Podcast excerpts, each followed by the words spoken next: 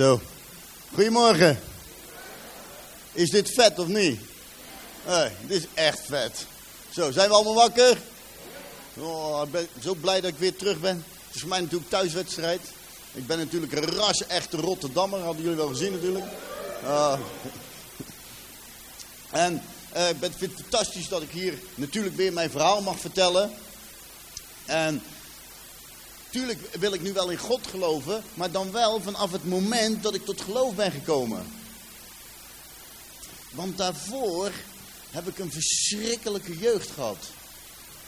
En als ik dan moet geloven dat daar een liefdevolle God achter heeft gestaan, die dat allemaal toe heeft gelaten in zijn liefde, daar kon ik helemaal niks mee. En dan uiteindelijk heb ik niet alleen verschrikkelijke dingen meegemaakt, ik ben ook nog eens verschrikkelijke dingen gaan doen. En als ik denk, was God daarbij? Was hij daarbij? Hé, hey, dat kan niet. Was hij daarbij? Hé, hey, dat mag niet. En God zei, ik was erbij. Ik was erbij met al mijn liefde en al mijn genade. En daar had ik heel veel moeite mee. Maar uh, wordt er ook nog een lied gezongen, opwekkingslied 599. Daar wordt in gezongen, je naam was al bekend voordat je bestond. Hey, maar geloven wij dat ook hier allemaal, hier? Geloven wij dat echt? Dat al jullie namen bekend waren bij God? Dan heb je een heel groot geloof. En natuurlijk Rotterdam, dat zat, nou, uh, ik vind het een prestatie, maar weet je hoeveel Chinezen dat er zijn? Hey, dat Ying, Jong, Ping, Pang en Pong. Hey, en dan niet alleen van dit jaar, nee, van al die jaren, al die duizenden jaren wist God dus al die namen al. Kun je dat jij voorstellen? Hey, dat kan niet. Dat, dat is niet mogelijk. Dat, is, dat kan ons verstand ook gewoon niet aan. Geloof het gewoon. En die God, daar gaan we het deze morgen over hebben.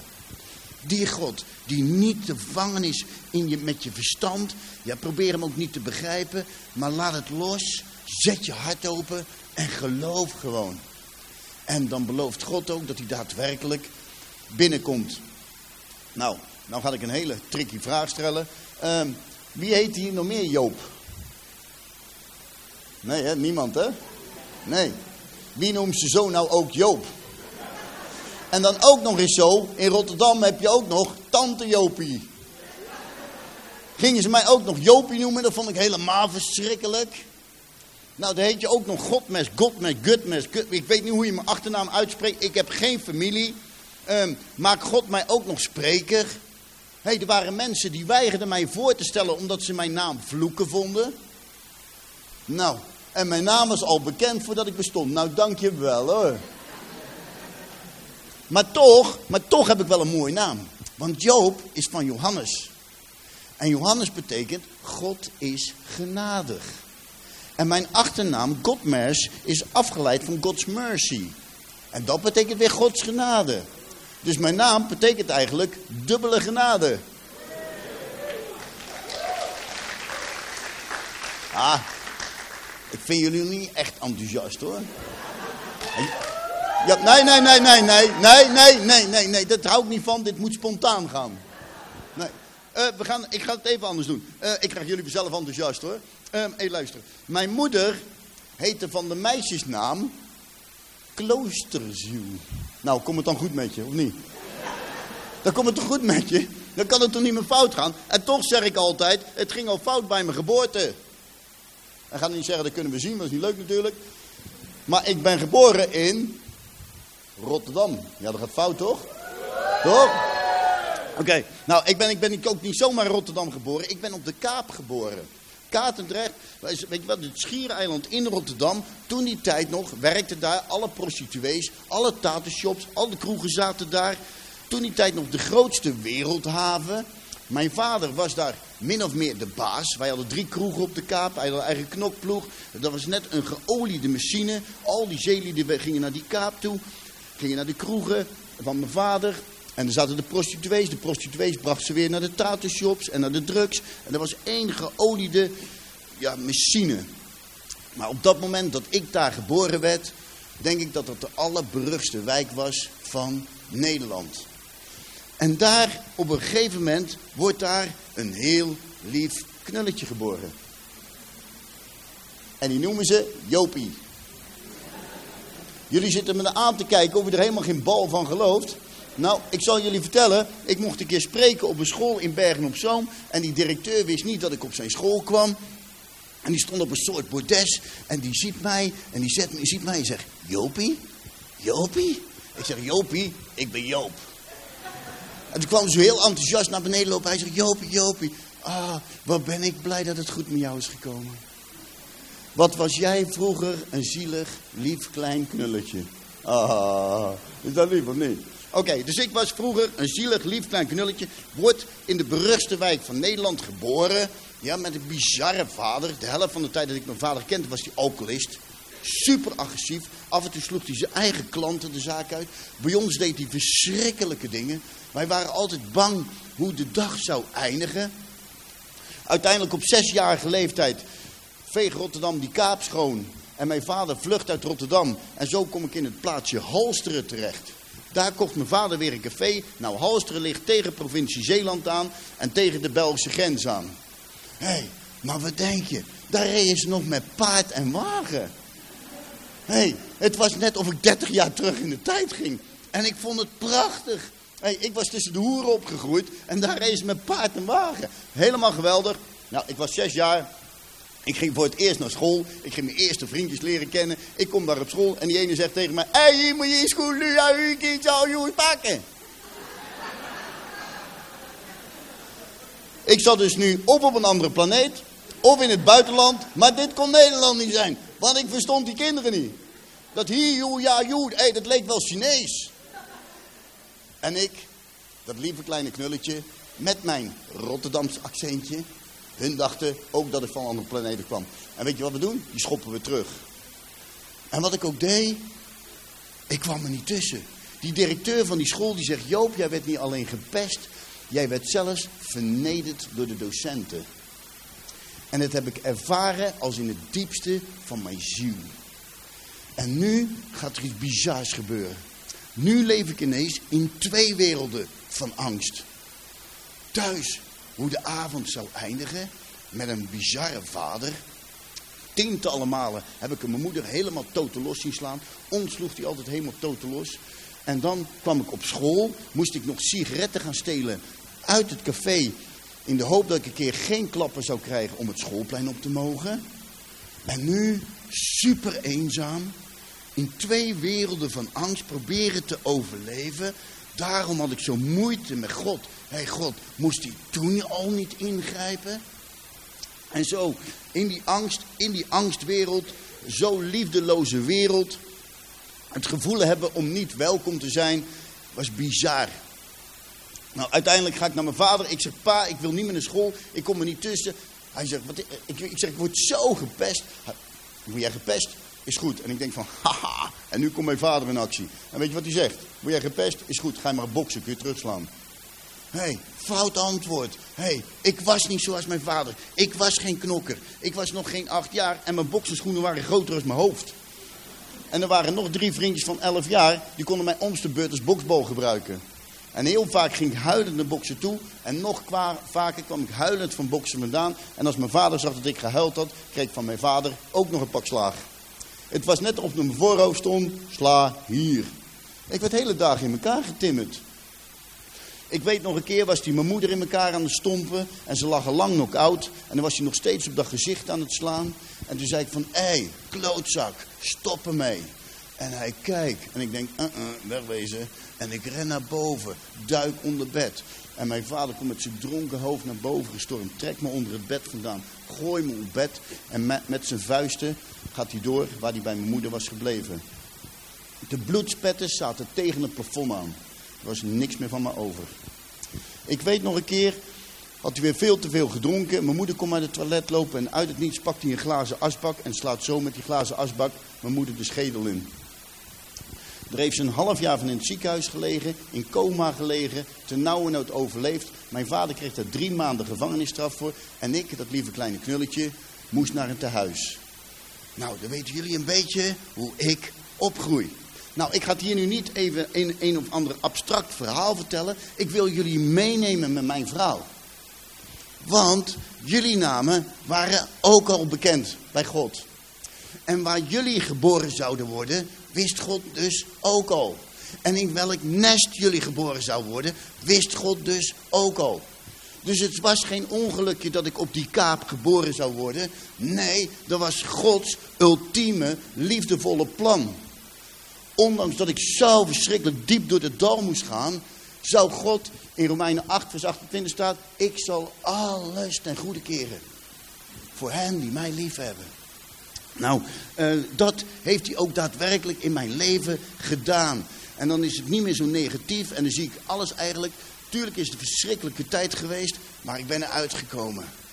Sterker dan ooit, samen met de Heer Jezus. En nu ben ik samen met hem, meer dan overwinnaar. En nu, uiteindelijk uh, moest ik bij de directeur komen. Ik wist echt niet waarvoor dat ik bij de directeur moest komen. Die stond me achter de deur op te wachten. Die slaat me het kamertje binnen. Had een brief in zijn hand. Hij zei, hier, ga maar naar je vader, je bent van school afgestuurd. En zo, met de beste wil van de wereld, kon ik geen reden bedenken waarom dat ik van school af was gestuurd. En ik ga, ik ga naar huis. Ik zeg, pa, ik ben van school af. Hij zei, van school af. Ik zeg, hier heb je een brief. Was ik van school afgestuurd wegens stelen, liegen en spijbelen. En mijn vader kijkt me aan en zegt, Joop, stelen, stelen. Ik zeg, pa, dat is niet waar, man. Ik kom er gewoon niet tussen op die school. Hij zegt, is dit echt niet waar? Ik zeg, pa, echt niet. Hij doet weer een slok op. Hij zegt, mee naar school. Hij stapt dat kamertje binnen bij die directeur. Stond natuurlijk ook die directeur helemaal totelos.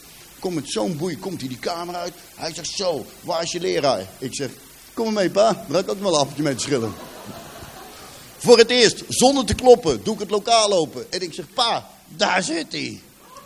En mijn vader stormt dat lokaal binnen, stompt die leraar in elkaar, spuugt op de grond en hij zegt zo, wij willen al niet meer op deze school zitten. Joop, pak je spullen. En ik zo trots als een pauw, liep ik naar mijn tafeltje toe, ik pak mijn spulletjes en mijn blokfluit.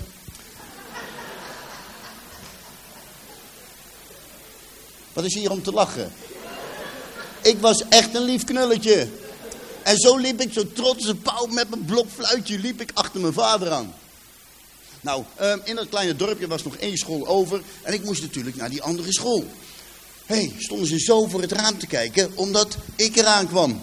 Nu was ik niet meer de Rotterdammetje wat altijd gepest werd. Nu was ik ineens dat zoontje van die vader die de boel kort en klein had geslagen op die andere school. En ineens wilde iedereen mijn vriendje zijn. En zo word ik op een of andere dag niet meer gepest. Nou, het was een christelijke school. Ik kreeg te horen dat we naar de kerk gingen. En ik loop het café binnen. Ik zeg, pa, je rijdt nooit waar ik morgen naartoe ga. Nou, zoon, vertel het eens. Ik ga morgen naar de kerk. Hij ja, helemaal niks. Met die onzin wil ik helemaal niks te maken hebben. Ik schrijf wel een briefje dat je niet mee hoeft naar die kerk.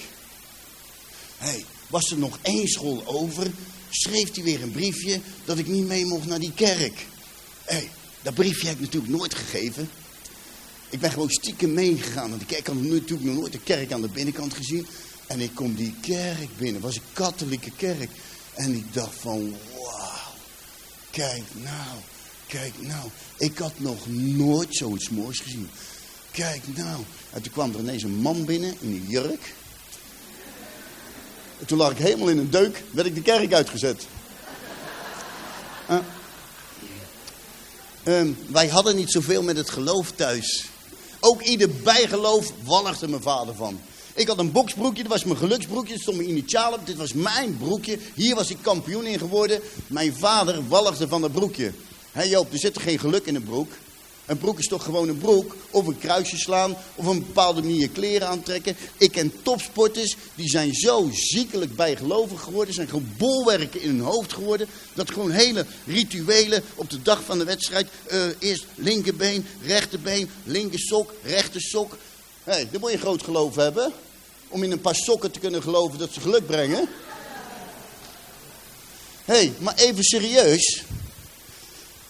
Ik geloof echt dat dit van God is. Waarom? Wij zijn geschapen door God. En God vraagt in zijn liefde nooit het onmogelijke van ons. En hij heeft gewoon geloof in zijn schepping gelegd. Daardoor, als je met je gezond verstand na gaat denken, dat wij in staat zijn om in een paar sokken te geloven, dat ze geluk brengen op de manier hoe wij ze aantrekken, hé, hey, dat is van God. Maar wij zijn het kwijt. Wij zijn het kwijt. En God heeft mij geroepen. Hé hey Joop, gaat heen. En maak ook al die volkeren tot mijn discipelen. En zo ben ik geprogrammeerd om echt in mezelf te geloven. Je komt alleen en je gaat alleen. En je gaat alleen die ring in en je komt er alleen uit ook. En weet je wat, lieve mensen? Daar heb ik het heel ver mee geschopt. Maar het zou ook bijna me dood worden. Uiteindelijk maakt mijn vader van mij een of andere meedogenloze vechtmachine. Europees kampioen profboksen, Nederlands kampioen thai-boksen, Nederlands kampioen full contact. Van dat lieve jongetje was helemaal niks meer over. Uiteindelijk word ik benaderd door een man. Hij zei, Joop, ik vind jou een geschikt persoon om cocaïne te gaan verkopen. Ik zeg, je bent gek man. Ik heb helemaal niks met drugs. Ik drink nog geen koffie met cafeïne erin. En zo gaat ja, maar dan gaan we dus doen, dan gaan we dit doen, kunnen we dit verdienen en dat verdienen. Ik dacht, waar heeft hij het over? Nou, ik was inmiddels getrouwd met een Zeelsmeisje. meisje. Nou, dan ga je niet doen voor een vrouw cocaïne verkopen. Ja, doe je niet bij een Zeelsmeisje. Dus ik dacht, maar als ik het niet ga doen, gaat een ander het doen. Laat mij er dan wat geld mee verdienen. En zo ga ik terug naar die man. Ik zeg, kom, we gaan ervoor. En zo groei ik uit tot een van de grootste en rijkste en beruchtste drugscrimineel van Nederland. Aan het einde van mijn drugscarrière verdiende ik zo'n 50.000 gulden per uur. Mijn compagnon die kwam naar me toe. Hij zei, Joop, we verdienen zo verschrikkelijk veel geld. Ik had het, er is een documentaire van mij op televisie weet, waar ik soms vertel dat ik het in mijn rug had van het geld dragen. En zo word ik schat en schatrijk. Ik had al twaalf auto's, woonde in een schitterend huis. Ik had het helemaal voor elkaar. We dronken alleen maar champagne. Kwamen in die jetset in Amsterdam. Werd er weer een bordeel afgehad. Gewoon bekende Nederlanders. Hey, we wisten niet waar we in terecht kwamen. Toen kwam ik achter dat mijn compagnon cocaïne was gaan gebruiken. Met veel te veel champagne op. Begon ik cocaïne te gebruiken. Nu is mijn leven één groot feest. Mijn vader wordt ziek. Mijn vader kreeg een tak van Parkinson dat zijn zenuwen ermee stopte. En kreeg te horen dat hij uh, hooguit nog een jaar te leven had. Maar het jaar dat hij nog zou leven, zou een verschrikkelijke leidersweg worden. En hij zit dat zo te vertellen. Hij zegt, maar Joop, er is ook nog een andere optie. Dat heette toen nog passieve euthanasie. Hij zei, als we nu geen vocht meer toedienen, droogt hij uit en kan hij al binnen zes uur gestorven zijn. En ik kijk hem aan. Ik zeg, meneer, ik zeg, meneer, weet u wie daar ligt? Dat is mijn afgod. Die man, al mijn wilde, al mijn rijkdom, heb ik aan die man te danken. Die man moet beter worden. En ondanks dat hij verschrikkelijke dingen bij me gedaan heeft, heb ik hem dat uiteindelijk vergeven. En is het mijn afgod geworden. En uiteindelijk ga ik naar huis, half overstuur. Ik snuif een berg cocaïne op. Ik neem een berg cocaïne mee. Ik ga terug naar het ziekenhuis. Ik zeg, kom, we gaan ervoor. En zo kreeg ik een schaaltje met citroenwater mee en een wattenstaafje. Mocht zo over zijn lippen gaan, net zolang dat hij uitgedroogd was en zou sterven. Dat kon al binnen zes uur gebeurd zijn. Na twee dagen was ik alleen maar aan het snuiven. Snuiven, snuiven. En dat wattenstaafje, snuiven, wattenstaafje.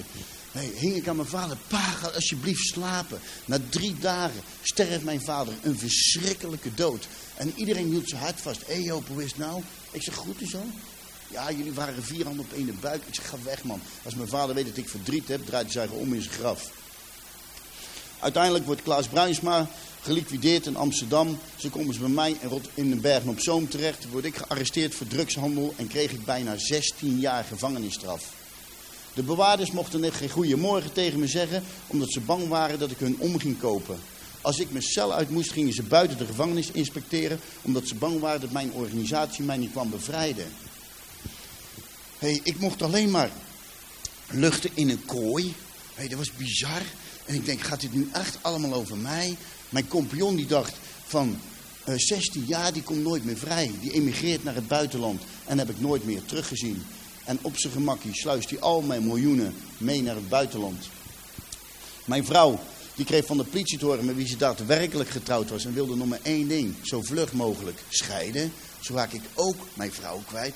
Nu, voor het eerst zonder drugs, begon ik te beseffen wat ik met mijn vader had gedaan. Dus heel dat sterven van mijn vader komt weer in alle hevigheid terug. Het is zo'n bizarre tijd geweest. Maar uiteindelijk niet getreurd. Na bijna drie jaar kom ik min of meer onverwachts vrij. Dikke Mercedes coupé.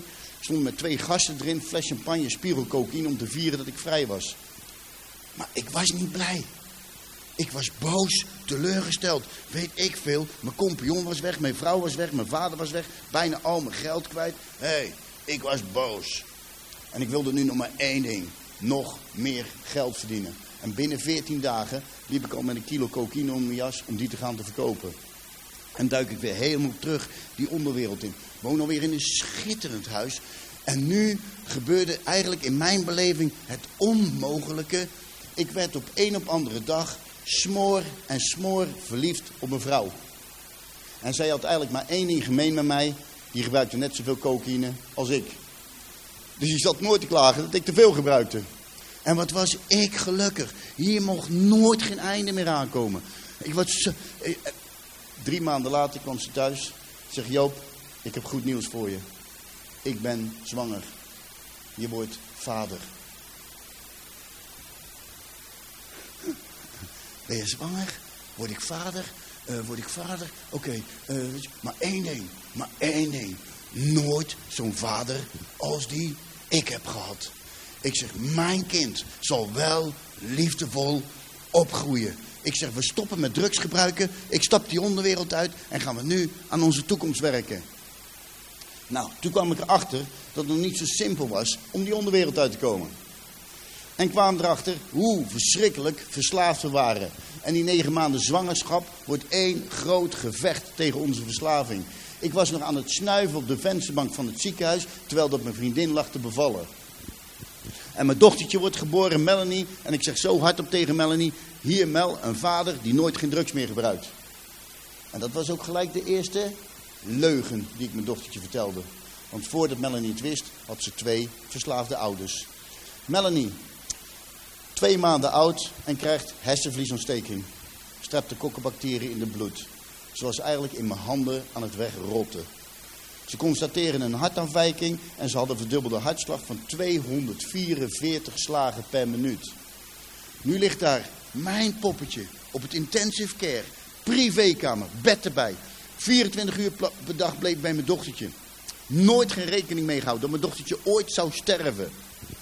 Ligt ze daar in zo'n klein ledikantje, zo'n klein babytje, aan die hartbewaking, aan die stickers, zo helemaal te stuiteren. Ik had me eigen met al mijn macht kracht en geld nog nooit zo machteloos gevoeld. Ik had al mijn geld in willen leveren om dat kind te kunnen genezen. hey, ik had daar plaats in willen nemen om haar te genezen. Maar dat ging niet. Dat ging niet. En uiteindelijk komt die arts mijn kamer binnenlopen en ik zeg, dokter, dokter, ik zeg, luister. Ik zeg, jij gaat mijn dochtertje beter maken. Hij zegt, meneer, u moet uw gemak houden. Want uw dochtertje is heel ernstig ziek. En ik kijk hem aan en ik zeg, mijn gemak houden. je weet niet wie je voor je hebt, man. Dit zegt niemand tegen mij in Nederland. Ik zeg, doktertje, als mijn dochtertje sterft, sterf jij ook. Hij zegt, en dit heb ik mij eigen nog nooit laten zeggen. En je gaat mijn ziekenhuis uit. Ik zeg, jouw ziekenhuis. Ik zeg, doktertje, ik koop nu het ziekenhuis. En jij bent ontslagen, wegwezen. Ik zeg, je weet niet wie die voor je hebt, man. Hey, als ik wil, haal je vanavond je auto nog genezen, want ik laat je afschieten. En zo kom ik er ook achter dat ik met al mijn macht, kracht en geld één ding niet kon. En dat was het leventje van Melanie redden. En ik geloof nu, en velen met mij, dat het een wonder is geweest dat Melanie het overleefd heeft. Ik was niet dankbaar, want ik geloofde niet in God. Maar ik was zo blij dat ik gezegd heb en nu is het klaar. Einde verhaal. Ik wil er nu van Melanie zijn. Ik stap die onderwereld uit. Nou waren ze niet zo blij mee. Hebben ze mij nog proberen te vermoorden. Ik ze net roepen van hij is dood, hij is dood, laat hem liggen. Heb ik de nauwe nood overleefd. Ik bel ze op. Eerste ronde hebben jullie gewonnen. Nu ben ik aan de beurt. Kwamen ze nog een keer terug. Trokken Melanie uit de kinderwagen. Pistool op de hoofdje. Je moet tegen Joop zeggen dat hij zijn gemak moet houden, anders schieten we ze jong dood. En zo wordt Melanie als een stuk vuil terug de kinderwagen ingegooid. Mijn vriendin komt thuis en ik zeg, ik zeg, wat hebben ze gedaan? is goed, dan is het nu oorlog. En iedereen die aan mijn dochter heeft gezeten, gaat sterven. Nu ben ik alleen maar plan aan het maken om iedereen te laten liquideren. Ik woonde alleen maar op de bovenverdieping van een schitterend huis, omdat de begane grond met machinegeweren naar binnen konden schieten. Inmiddels zo verschrikkelijk verslaafd. Het einde van mijn verslaving begon ik mezelf te spuiten en spoot ik om en erbij zo'n 40 keer per dag in mijn ader. En je had geen bloed, ik had geen bloedvat meer over waar ik normaal in kon spuiten. Alles, alles was kapot gespoten. Al dagen wakker. Mijn dochter zat ondergedoken in België. Mijn vriendin was er bij me vandaan. Het is eind april en ik schrik. En ik denk van, hé, hey, 3 mei ben ik jarig. En ik zeg van, hé, hey, ik ben gewoon over een paar dagen jarig. Als ik ergens niet mee bezig was geweest, was het met mijn verjaardag. En ik dacht, hé, hey, wat heb ik nog om te vieren? Zie mij hier staan. Weet je wat? Hé, hey, het is goed geweest. En zo beslis ik op mijn verjaardag om 9 uur s morgens om een einde aan mijn leven te maken. Ik pak mijn pistool, ik haal mijn pistool over, ik zet hem op mijn hoofd, het is bijna 9 uur en ik zeg zo, drugs, gefeliciteerd, jij hebt van mij gewonnen. Melanie, lieve schat, sorry, maar je bent beter af zonder mij dan met mij. En ik wil mijn pistool overhalen en de deurbel gaat. Trrring. En ik schrik en ik doe mijn pistool weg en ik doe mijn cocaïne weg en ik loop naar beneden. Ik hoopte dat het Melanie zou zijn. Hé, hey, wat denk je? Stonden al mijn leerlingen voor de deur die om half elf kickboxles van mij zouden krijgen. Die kwamen mij verrassen voor mijn verjaardag. Die dachten om negen uur ligt hij nog te slapen en dan gaan we wakker bellen en dan gaan we voor hem zingen. Ah, dat lief of niet? Toch? Alleen, ik sliep niet. Ik stond met een pistool op mijn hoofd. En ik doe de deur open. En ik zie zo al mijn leerlingen staan. En die begonnen te zingen. Er is er een jarig. Ik denk, hè, kan dit ook nog? Hadden ze gezamenlijk een cadeau gekocht. Ik heb dat cadeau uitgepakt. Ik heb wat te drinken gegeven. En om half elf moest ik hun dus kickboxles gaan geven. Nou, dat duurde al tot half één. Leefde ik nog steeds. Dat is ook vervelend. En ik dacht, leef ik nog steeds? Oké, nog voor één iemand. Melanie pistool mee, ik op oorlogspad. En moest en zou Melanie zien op mijn verjaardag.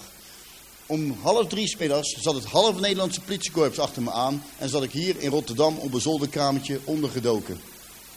En ik ben bijna zeven weken voor het vluchtig geweest. Maar in die zeven weken was ik een man tegengekomen. En die man die zei tegen mij van rust heb je niet hè? Ik zei nee rust heb ik niet, nee dat klopt. Hij zegt weet je hoe dat komt? Ik zeg ja dat weet ik wel ja. Ik zeg het halve Nederlandse politiekorps zat achter me aan. Hij zegt, nee joh, daar komt het niet door. Hij zegt, weet je waarvoor jij geen rust hebt? Ik zeg, nou, vertel het eens. Hij zegt, dat komt omdat je God niet kent. Ik zeg, jij spoor niet hoor. Maar jij bent toch die Joop, jij bent toch die crimineel? Ik zeg, meneer, en dit wil u niet. Hij zegt, ja hoor. Hij zegt, weet je dat Jezus Christus voor jouw zonde aan het kruis is gestorven? Ik zeg, meneer, u spoor niet meer. Ik zeg, einde verhaal. En ik loop die zaak uit, roept hij van, hé, hey, weet je wat jij eens mocht gaan doen? Je moet eens in de Bijbel gelezen, dat is goed voor je. Hij kwam ik helemaal niet meer bij van het lachen. Ik ga naar mijn onderduik uit. Ik zeg, bedenk, bedenk, ik kom een winkel binnen. Begon hij al gelijk over God te kletsen. Nou, een aantal dagen later doe ik weer een zelfmoordpoging. Nu door een overdosis te nemen. Ik val meer dood dan levend in mijn woonkamer. Ik kom in die tunnel, in het licht terecht. Ik was duidelijk aan het sterven. En het einde van die tunnel stond diezelfde man weer. En die zei van, en dat komt nu, omdat je God niet kent. Zo, toen was ik bang, bang. Ik kroop naar mijn slaapkamer. Niet op handen en knieën, maar op mijn buik sloop ik naar mijn slaapkamer. Bed, dekbed over me heen getrokken, gewacht dat het licht werd. En de volgende dag ben ik die man gaan zoeken. Ik rijd dat terrein op. Ik loop die winkel binnen. Zit daar die man op precies dezelfde plaats. Met zo'n vervelende grijns op zijn gezicht. Ik zeg altijd zo'n EO-lachje. Weet je precies wat ik bedoel? Weet je wel, zo van... Eh, zo van uh... ik wist dat je terug zou komen. Ik zeg, wat man? hey, het leek gisteren wel of je in mijn woonkamer stond. Hij zegt, nou, dat wist ik. Ik zeg, wat, dat wist ik. Hij zegt, God gaat jou niet meer loslaten. Ik zeg, wat? Weet je wat jij moet doen? Jij moet God gaan zoeken. Moet ik God gaan zoeken? Is goed, ik heb poenzat. Kom maar mee, ik betaal alles. We gaan naar Schiphol. We bestellen een vliegtuig. Maakt niet uit waar die zit. En we vliegen naar de hemel. Nou, met datzelfde EO-lachje zat hij zo van... ja, zo werkt het niet helemaal. Hij zegt, maar we geven op maandagavond bijbelstudies. Daar moet je mee naartoe. Ik zeg, bijbelstudie. Kijk mij eens aan. Zie je mij nog naar een bijbelstudie gaan? Hij zegt, nee, dat dacht ik al. Hoezo, dat dacht ik al. Hij zegt, daar heb je de ballen niet voor. Hey. Ik durf alles. Hij zei, nou, hij zei, nou, dan ga je toch een keer mee naar die bijbelstudie. Ik zei, nee man, ik ga niet mee naar een bijbelstudie. Hij zei, nee hoor, je hebt het lef niet. Ik zeg, hé hey, meneer, nu kap over die bijbelstudie. Hij zei, moet ik erover stoppen? Moet ik erover stoppen? Oké, ik stop erover. Als jij zegt dat je niet durft. Zo, toen was ik kwaad. Ik was kwaad. En ik stap naar hem toe. En ik wil hem slaan. En ik steek mijn hand uit. En ik zie, ik ga mee naar die bijbel. En ik zie die hand. Die wou ik afzagen. Ik denk, dat kan niet. Hey, maandagavond, bijbelstudieavond. Ik word maandags morgens, wakker en ik dacht om één ding. Wauw, bijbelstudie, waar is mijn cocaïne? En zo vlucht ik helemaal in mijn verslaving. Smiddags begon ik mezelf te spuiten om op de been te blijven. En ik denk, bijbelstudie, moet ik nou kogelvrij vest aan?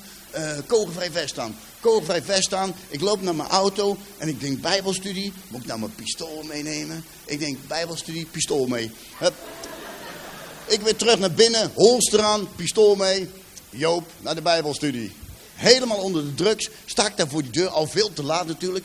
1, 2, 3. En ik stap naar binnen en die mensen doen dit zo. En ik zie zo al die mensen naar me kijken. En ik doe mijn jas open en ik pak mijn pistool. En zo stond ik met mijn hand op mijn pistool, stond ik naar de bijbelstudie te luisteren. Bijbelstudie afgelopen, die man kwam naar me toe. Hij zegt, en, wat vond je ervan? Ik zeg, ik geloof hier helemaal geen bal van. En zo raak ik met die man in gesprek. En misschien zit hier ook al iemand, hè? Die misschien wel in diezelfde situatie zit als waar ik toen stond. En ik zei van, oké, ik heb alles in mijn leven, alles een reële kans gegeven. Ik heb nog nooit iets met God gehad. Ik wil die God voor jullie ook wel een kans geven. Zeg maar wat ik moet doen om die God voor jullie te kunnen leren kennen. Hij zegt, nou, hij zegt, nou, je zou kunnen beginnen om iedere maandagavond naar de Bijbelstudie te komen. Ik dacht van, nee, niet iedere maandagavond naar die stoffige Bijbelstudie. Maar als dat ervoor nodig is, zal ik hier iedere maandagavond zijn. Hé, hey, dat hoorde nog iemand. Weet je wie dat was? Dat was de duivel. En wat ik nu ervoer, was bizar. Soms letterlijk het gevoel hebben dat er aan me getrokken werd. Letterlijk vechten om naar de Bijbelstudie te komen. Ik kon Lepelstraat niet meer vinden waar die Bijbelstudie was. Viel mijn auto weer zonder benzine. Hé, hey, dat was niet mogelijk. En die bizarste dingen. En met mijn gezond verstand kon ik dit gewoon niet meer kwalificeren als stom toeval. En zo begon ik steeds meer te geloven dat er meer moest zijn tussen hemel en aarde dan dat ik kon zien. Maar zo begon ik ook steeds meer te geloven dat God wel zou kunnen bestaan. En dat Jezus Christus voor mijn zonde aan het kruis was gestorven. Nou, uiteindelijk miste ik mijn eerste Bijbelstudie. Ik schrik en ik zeg: Heeft de duivel nog voor mij gewonnen ook, zeg? Uh, daar laat ik het niet bij zitten. Ik ga iets doen wat de duivel een hekel aan heeft. Uh, waar heeft de duivel een hekel? Heeft de duivel, waar heeft de duivel een aan? Ik weet het. Joop gaat zondag naar de kerk. Oké, zondagochtend spuit mij helemaal vol met drugs.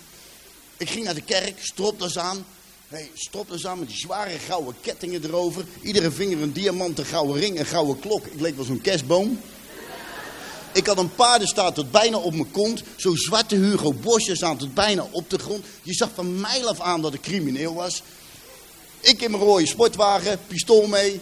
Joop, naar de kerk. Ik zoek een kerk, ik zie daar een kerk, ik rijd dat parkeerterrein op. Hé, er was nog één parkeerplaats over, dat was voor die grote deur, er stond NP niet parkeren. Hé, hey, was mijn parkeerplaats natuurlijk.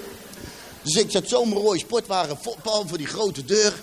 En ik hoor ze al zingen binnen. En ik pak mijn sigaretten en ik steek een sigaret op. En zo loop ik helemaal onder de drugs, gewapend met een pistool, rokend die kerk binnen. Lieve mensen, zien jullie mij nog binnenkomen? De muziek begon nog net niet te stotteren. Ze probeerden zo goed als kwaad, probeerden ze met die dienst door te gaan. Maar ik stond natuurlijk gewoon te roken binnen. Stapte er een, vrij, vrouwtje de rij uit en die kwam naast me staan. En die zei van, uh, meneer, meneer, u mag hier niet roken. Hé, hey, Joop mag overal roken. Nou, toen kwam de koster een asbak brengen. Toen kreeg ik ineens een asbak in mijn hand geduld. En ik dacht, hé, dat is makkelijk. Die was waarschijnlijk om uit te drukken. En zo stond ik rokend in de kerk. Nou, in datzelfde lied wordt gezongen, je mag komen zoals je bent. Nou, ik kwam zoals ik was. Maar daar was de kerk nog niet aan toe. En eerlijk gezegd was ik er ook nog niet aan toe. En drie dagen later word ik weer gearresteerd voor het bezit van een amfetamine laboratorium. Ik kreeg weer bijna 12 jaar. Ik vroeg wat te lezen en hij gooide zo de Bijbel op mijn cel. En ik zie die Bijbel en ik begin te huilen, te huilen. Ik kon niet meer stoppen. Het was net of God tegen me sprak. Hij zei, zo Joop, je hebt tijd zat, ga maar lekker lezen. Begon ik 14 tot 16 uur per dag in die Bijbel te lezen. Hé, hey, ik snap er niet veel van. Maar wat erin stond, heb ik heel mijn leven naar gezocht. Vrede, blijdschap, rust. Hé, hey, je mag komen zoals je bent. Wauw, hier heb ik heel mijn leven naar gezocht. Ik vond het geweldig. Lieve mensen, toen dat ik tot geloof kwam, wist ik amper wie Jezus Christus was. En dat boek sprak over zoveel liefde. Ik vond het prachtig. En ik wilde alleen maar naar de bibliotheek om nog meer boeken over de Bijbel. De eerste keer dat ik ging bidden voor mijn eten, nam ik een hap van mijn eten, kreeg de vork naar mijn mond. De bizarste dingen gaan nu gebeuren. En toen werd ik mezelf uitgetrokken, Joop, meekomen. Hij zei, Joop, je bent wel heel erg met de geloof bezig. Ik ja, dat klopt. Hij zei, ja, we geloven niet dat het goed voor jou is. Hij zegt, het is niet verkeerd om in God te geloven, maar hoe jij ermee omgaat is veel te extreem. Hij zegt, je moet ook in jezelf blijven geloven. Ik zeg, in mezelf geloven? Hé, hey, ik was geprogrammeerd om in mezelf te geloven. Weet je waar het eindigde? Op mijn verjaardag met een pistool op mijn hoofd. Ik wil niet meer in mezelf geloven. Ik wil in Jezus Christus geloven, die voor mij zonde aan het kruis gestorven. Hij zegt, hij zegt, Joop, Joop. Hij zegt, dadelijk gaat God jou teleurstellen en heb je helemaal niemand meer. Nou, uiteindelijk kom mijn verjaardag er weer aan. Kreeg een brief van de moeder van Melanie. En er stond in, Joop, hou je niet meer van me. Mis je me niet. Kun je geen bezoek regelen. Hey, en ik, hey, dan kom ik bij jou op bezoek. En als cadeau neem ik Melanie mee op je verjaardag. Voor je verjaardag. Hey, vorig jaar wilde ik nog zelfmoord plegen. En nu hey, zit ik in de gevangenis en krijg ik Melanie te zien. Hey, daar heb ik God zo voor gedankt. Helemaal opgedirkt op mijn verjaardag stond ik te wachten om het mooiste cadeau in ontvangst te nemen. Wat je maar kon bedenken. Komt er een bewaarder aanlopen met een brief. Hier, Joop Post. Ik denk natuurlijk voor mijn verjaardag, heel laconiek maak ik hem open. En er stond in, Joop, Joop, Joop. Je dacht toch niet echt dat ik op bezoek kwam, hè? En je dacht toch niet echt dat je ooit van je leven Melanie nog te zien kreeg? En je mag op geen ene enkele wijze meer contact met mij opnemen, anders vergaat je het recht één keer in het half jaar te horen hoe het met je dochtertje is. Doei, prettige verjaardag. Hey, dit was zo gemeen. En ik had God hier zo voor gedankt. En dit was zo. En die bewaarder kwam aanlopen. Hij zei, Joop, wat doe jij nou? Ik zei, ja, het gaat niet goed met mij. Hij zei, hij zei nee, ik zie het. Ik zei, kan ik wat voor je doen? Ik zei, ja, sluit me maar op. Weet je het zeker? Ik zeg, sluit me op. En zo brengt hij me naar mijn cel. Hij doet mijn cel er open. Hij gooit me mijn cel in. Zie ik er al die boeken liggen over de Bijbel. Waarin staat dat God liefde is. Toch? Ik zie daar die Bijbel liggen. Ik zie daar die Bijbel liggen. Helemaal de weg kwijt. Ik had een sigaret in mijn mond. Die leg ik in de asbak. En ik pak mijn Bijbel. En ik zeg. Hé hey God. Hé hey God. En ik nog geloven dat u bestaat ook zeg. Hé, hey, dit is zo gemeen om mij te laten denken dat ik Melanie te zien krijg. Hé, hey, God, hey, uw liefde, hey, dit doe je ergens de vijand nog geen eens aan, man. Hey, alleen al om dit te verzinnen, moet je zo verschrikkelijk slecht zijn. Hé, hey, God, uw liefde, ik geloof er niks meer van. Maar ik kan nu niet meer verder. Als u bestaat, God, hier ben ik. Daarna nooit geen sigaret meer aangeraakt. Op dat moment greep God in. Wat ik toen niet, nog niet wist, was God ging al mijn lasten afnemen. Waardoor dat ik het gevoel kreeg dat ik begon te zweven. En ik dacht, wauw, ik denk, wat is dit? Doordat God al mijn lasten af had genomen, die energie die vrijkwam in mijn lichaam, begon mijn lichaam op te warmen. Kreeg ik een constante temperatuur van bijna 39 graden, begon ik helemaal te gloeien en te stralen. En zo stond ik van, wauw. Wauw, ik denk, wat is dit man? En toen ontving ik pas echt het allermooiste cadeau voor mijn verjaardag wat je maar kon bedenken. Zijn heilige geest, zoals het in de Bijbel staat. Als een vuur kwam in mijn wonen. En uit het niets werd ik smoor en smoor verliefd. En zo helemaal verliefd, zo van wauw. Ik denk, wat is dit joh? Die bewaarder die me helemaal overstuur mijn cellen had gegooid. Die doet mijn cel eropen en die deinst terug. Die zegt, Joop, het is er met jou gebeurd. Ik zeg, dit is geweldig. God heeft ingegrepen. Hup, gelijk zelden dicht. Dominee, ga eens bij Joop kijken, want God heeft ingegrepen. Nou, dat zette heel mijn wereld op zijn kop. Ik bel mijn advocaat. Ik zeg, advocaat, ik wil niet meer liegen. De duivel is de vader van de leugen. Ik heb hem lang genoeg gediend. Ik zeg, ik ga alles eerlijk vertellen. Hij zegt, Joop krijgt 20 jaar gevangenisstraf. Ik sta alles eerlijk te vertellen. En drie uur later stond, was ik vrijgesproken en stond ik op straat.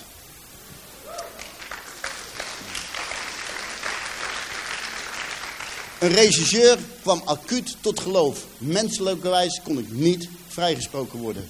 En God heeft me laten zien dat het niet uitmaakt wie je bent. Of wat je gedaan hebt.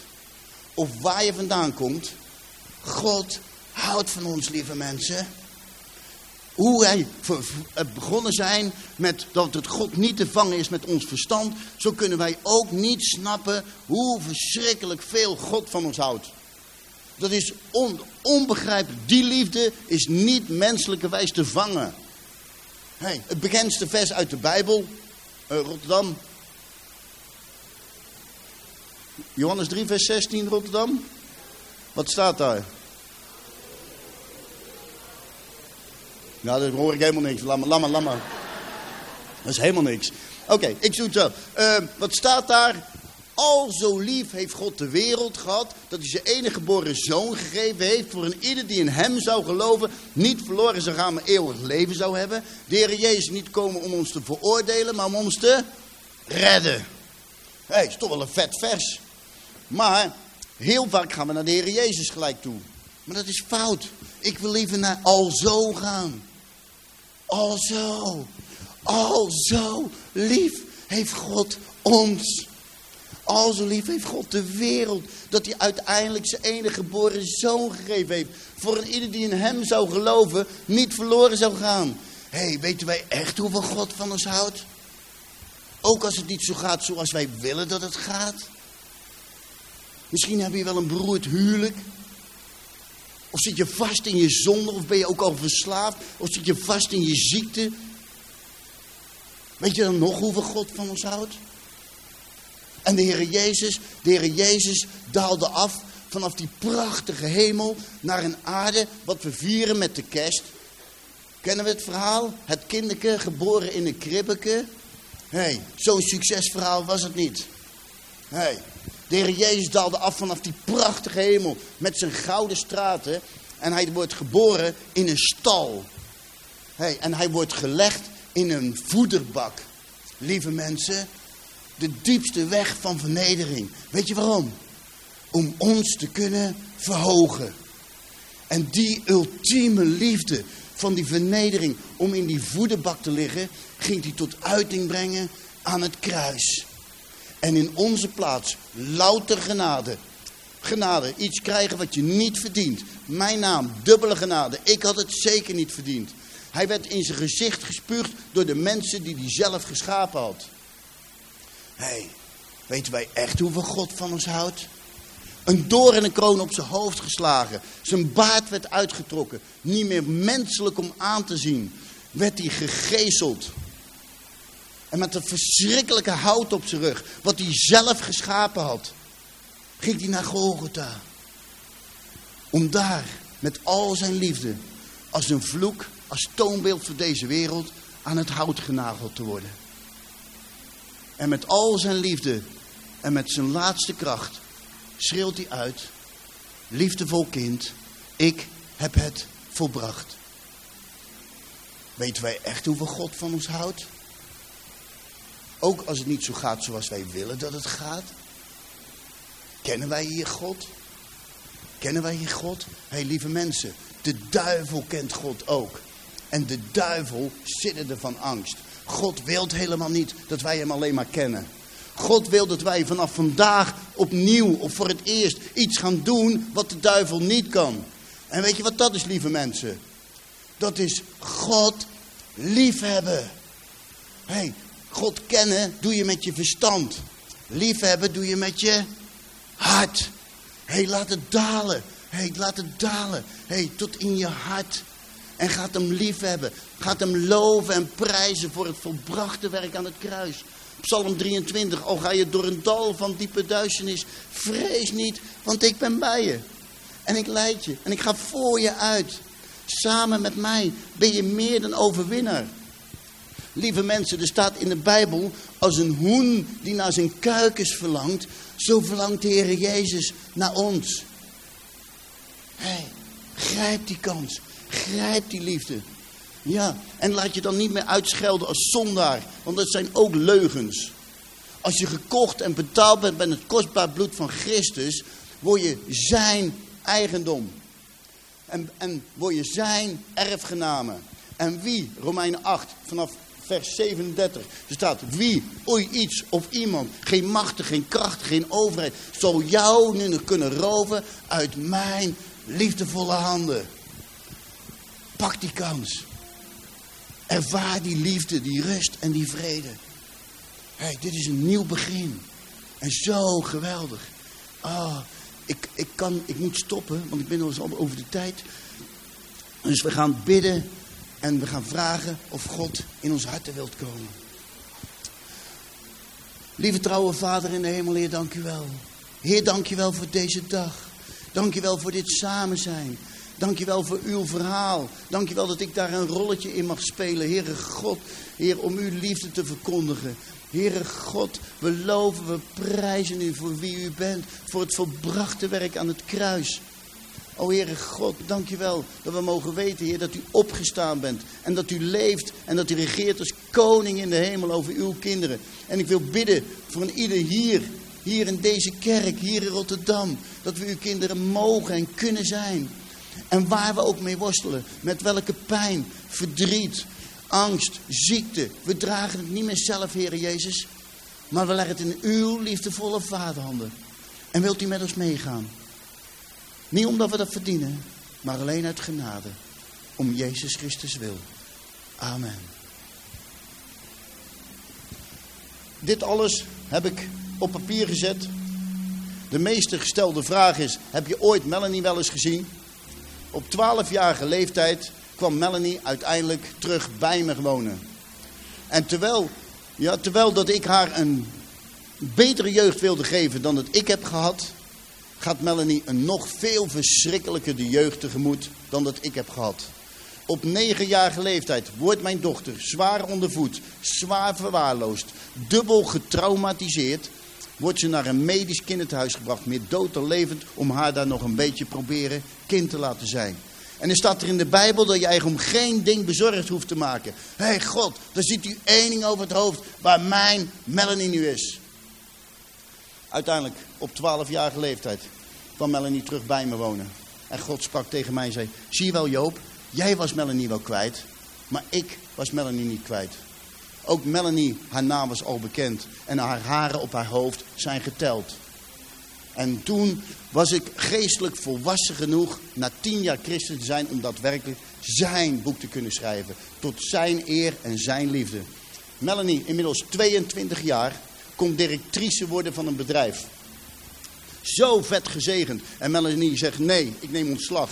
En ze wil nu, ze is weer opnieuw gaan studeren en ze wil ambulancebroeder worden. Om mensen te kunnen helpen. Halleluja. En dat is God. En dat is God. En die God wil ik jullie kennen. Halleluja.